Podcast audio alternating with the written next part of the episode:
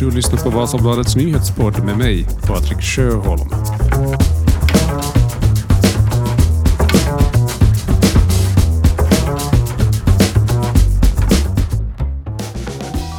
Det är onsdag den 30 mars. Ja, vi har faktiskt kommit till slutet av den här månaden och vilken månad det har varit. Det har hänt både det ena och det andra nyhetsmässigt den här månaden, det kan man lugnt säga. Det som vi ska ta fasta på i det här avsnittet av nyhetspodden bakom rubrikerna så är en fråga som kanske har återaktualiserats på ett nytt sätt i och med kriget i Ukraina. Det handlar dels om eh, jordbrukarnas situation, den svaga lönsamheten som har varit en del av deras bransch, deras liv länge redan samtidigt som det har uppstått en diskussion om eh, ja, hur ser det egentligen ut med Finlands försörjningsberedskap och hur skulle vi klara en krissituation med tanke på hur våra lager med livsmedel ser ut i dagsläget. Jag åkte ut till Thomas Långgård i Malax. Han är grisbonde själv men också ordförande för Österbottens svenska producentförbund. Vi kör igång. Kul att du lyssnar.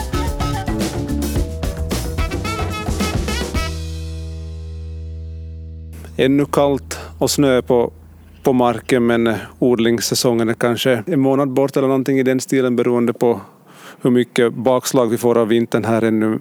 Thomas, hur skulle du beskriva situationen just nu, dels själv som jordbrukare men också som ordförande för ÖSP?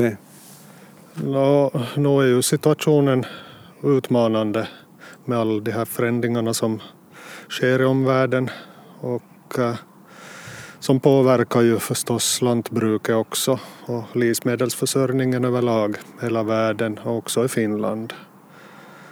Så det här, vi har ju fick ju då i höstas eller på sensommaren så började ju kostnaderna skena iväg, stig riktigt rejält.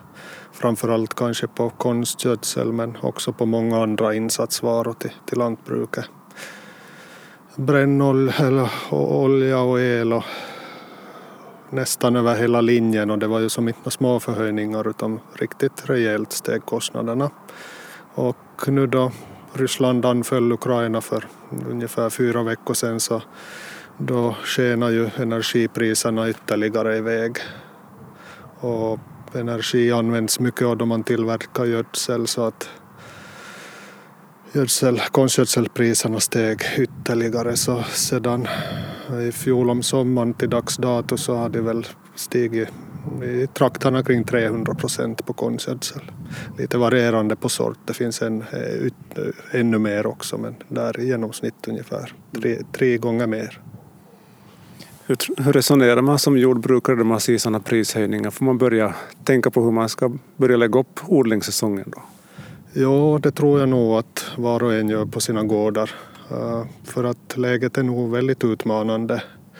Att eh, vågar man gå in i en ny odlingssäsong och sätta in de här insatserna, det kostar närmare tusen hektar i kostnader för att så ett hektar och du vet inte riktigt vad du får ut med skörden och, vilken skörd du får och vilket pris det är. Så att eh, jag tror att gårdarna funderar nog på det här väldigt, väldigt mycket nu. Inte, inte, inte tror jag det finns något gemensamt recept för allihop utan uh, eh, hur man gör så kommer nog till, till beslutas på enskilda gårdar men det kommer till vara en variation. Vi vet ju att lönsamheten för jordbruksföretagen har länge varit svag och det är en, en bransch som är känslig för, för förändringar på, på världsmarknaden. Nu har produktionskostnaderna som du sa det har ökat väldigt mycket på sistone och det här kriget i Ukraina det påverkar också. Hur förhåller man sig till allt det här som jordbrukare i nuläget? Ja, det här... Nu tror jag att överlag så är jordbrukarkåren ganska bekymrad. Förstås den här ekonomiska situationen så om man ser tillbaka tio, drygt tio år så sedan dess så har jordbruksinkomsten halverats i stora drag, kanske till och med lite mer. 2010 så var den totala lantbruksinkomsten ungefär en miljard och nu, nu får vi nog under 500 miljoner tillbaka. För 21 och 22 ser prognosen ännu sämre ut. Så det här är någonting som bekymrar och det det är ju förstås så att vi hade inte heller den bästa beredskapen till att gå in i den här krisen mot bakgrund av för svag lönsamhet i genomsnitt och svårigheter att få kostnaderna vidare för till konsumentpris eller ut i handeln. Och inte har heller handeln, som har ökat sina marginaler, visat någon vilja att minska på dem. Inte. Så att där har vi nog ett stort dilemma som vi behöver få åtgärda om vi ska klara av att vara självförsörjande på livsmedel och basråvaror i Finland i framtiden. Man pratar om att det är kris i jordbruket nu. Hur, hur pass omfattande är den krisen och att vi måste fundera på om finländska livsmedel är som en självklarhet i framtiden? Jo, så långt har det nog gått att jag, jag, jag bedömer nog det så att äh, självförsörjningen så är nog hotad. För att vi balanserar på en väldigt skör lina redan nu och eh, kommer tecken på att husdjursproduktionen går neråt kan gå ganska snabbt för att där slår kostnaderna hårdast ut. Och inom växtodlingen så har inte vi egentligen haft några stora överskott. Det har varit ganska i balans de senaste åren. Så ifall vi nu odlarna sammantaget i det här odlar mindre kommande säsong så kan vi också på växtodlingssidan stå inför den situationen att vi inte är självförsörjande och måste ty oss till import och där vet vi att det med den här globala krisen, matkrisen som nu verkar vara i antågande så kommer också importen till vara väldigt svår. Så nu, nu skulle det nog vara läge att slå vakt om den inhemska produktionen. Och importen blir svår för att alla länder håller hårt i det de har?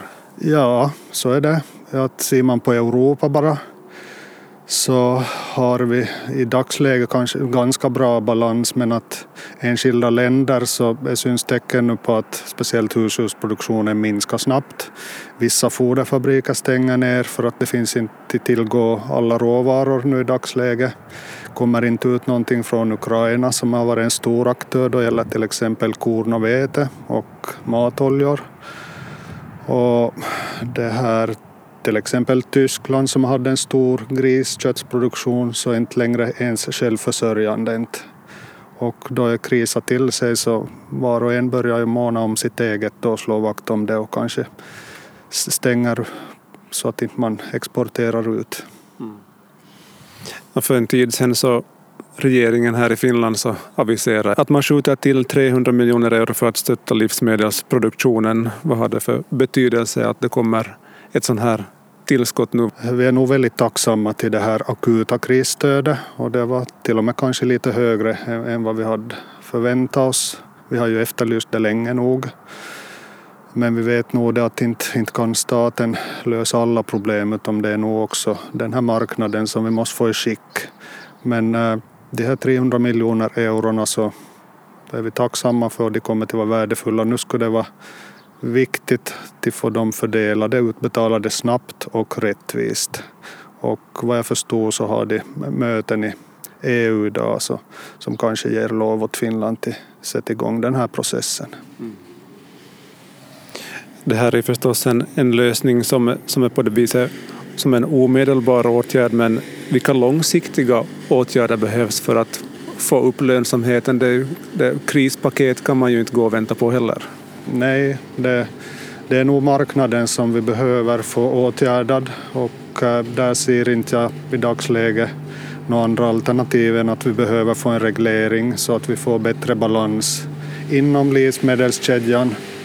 Alla känner ju till att den starka aktören är detaljhandeln idag och den svagaste så är producenten. Och där behöver vi via lagstiftningsåtgärder få det här korrigerat så att vinsten fördelas på ett rättvisare sätt. För egentligen är väl vinsten i livsmedelskedjan totalt sett ganska bra men fördelningen är väldigt orättvis. Som, så som jag ser det så finns det liksom så flera olika spår här. Det är ju dels frågan om en bransch som länge kämpar med sin lönsamhet som ofta blir utpekade i klimatdiskussioner som har lidit av dåliga skördar de senaste åren. Och samtidigt så ställs det då på grund av osäkra världspolitiska läget mycket höga förväntningar på både livsmedelsproduktion och Finland som ska ha en försörjningsberedskap och självförsörjning. Vad tänker du om hela den här ekvationen? No, den är svår att få gå ihop i dagsläget i alla fall. Jag tycker din analys var väldigt bra. Det ställs ganska höga krav på livsmedelsproduktionen och speciellt på primärproduktionen på lantbruket. Det är allt ifrån djurskydd till miljökrav, miljöhänsyn i odlingen och sådana saker. Men sen då våra produkter som är ju jättefina, bra kvalitet, spårbara, rena, producerade i, i världens renaste miljö kan man säga. Då de ska ut på marknaden och värdesättas så, så tävlar de mot importvaror som kan vara producerade under helt andra förhållanden och vi har väldigt svårt att få ut överhuvudtaget något mervärde för det här. Så det, det där som dilemma är att vi tävlar på en gemensam marknad men vi har nationella, ganska hårda regler för produktion och vi är ett nordligt land så vi har överlag en hög allmän kostnadsnivå. Och det där då i kombination med att ha den här graden av självförsörjande också. Hur, alltså, hur, hur ser det ut i våra lager egentligen? No, lagren är nog tynande. På världsnivå så har, har lagren av spannmål minskat i flera år så det är ganska små. I Finland så har vi samma situation så att våra lager har minskat och det, det är små. Det borde räcka till hösten till en ny skörd men jag har redan fått signaler av odlare här i Österbotten som säger att det är väldigt svårt att få tag på till exempel foderkorn till, till, som behövs till utfodring av djuren. Och vad kan det då leda till i sin tur? Det leder ju till att man drar ner på husdjursproduktionen och det syns i flera EU-länder redan och det börjar också komma tecken på det i Finland. Att till exempel ägg, äggproduktionen minskar. Det syns på, på griskött.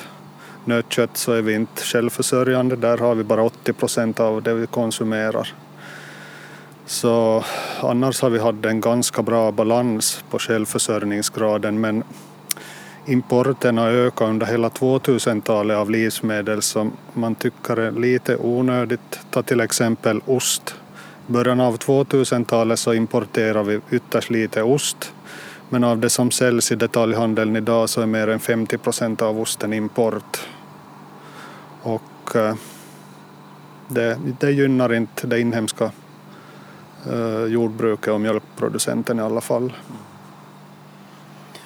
Hur är det då som mot bakgrund av den situation som, som råder idag um, då man står på tröskeln till odlingssäsongen börjar brukar betyda en viss optimism i alla fall inför hos, hos jordbrukarna. Var, finns det fortfarande framtidshopp och finns det ljusglimtar?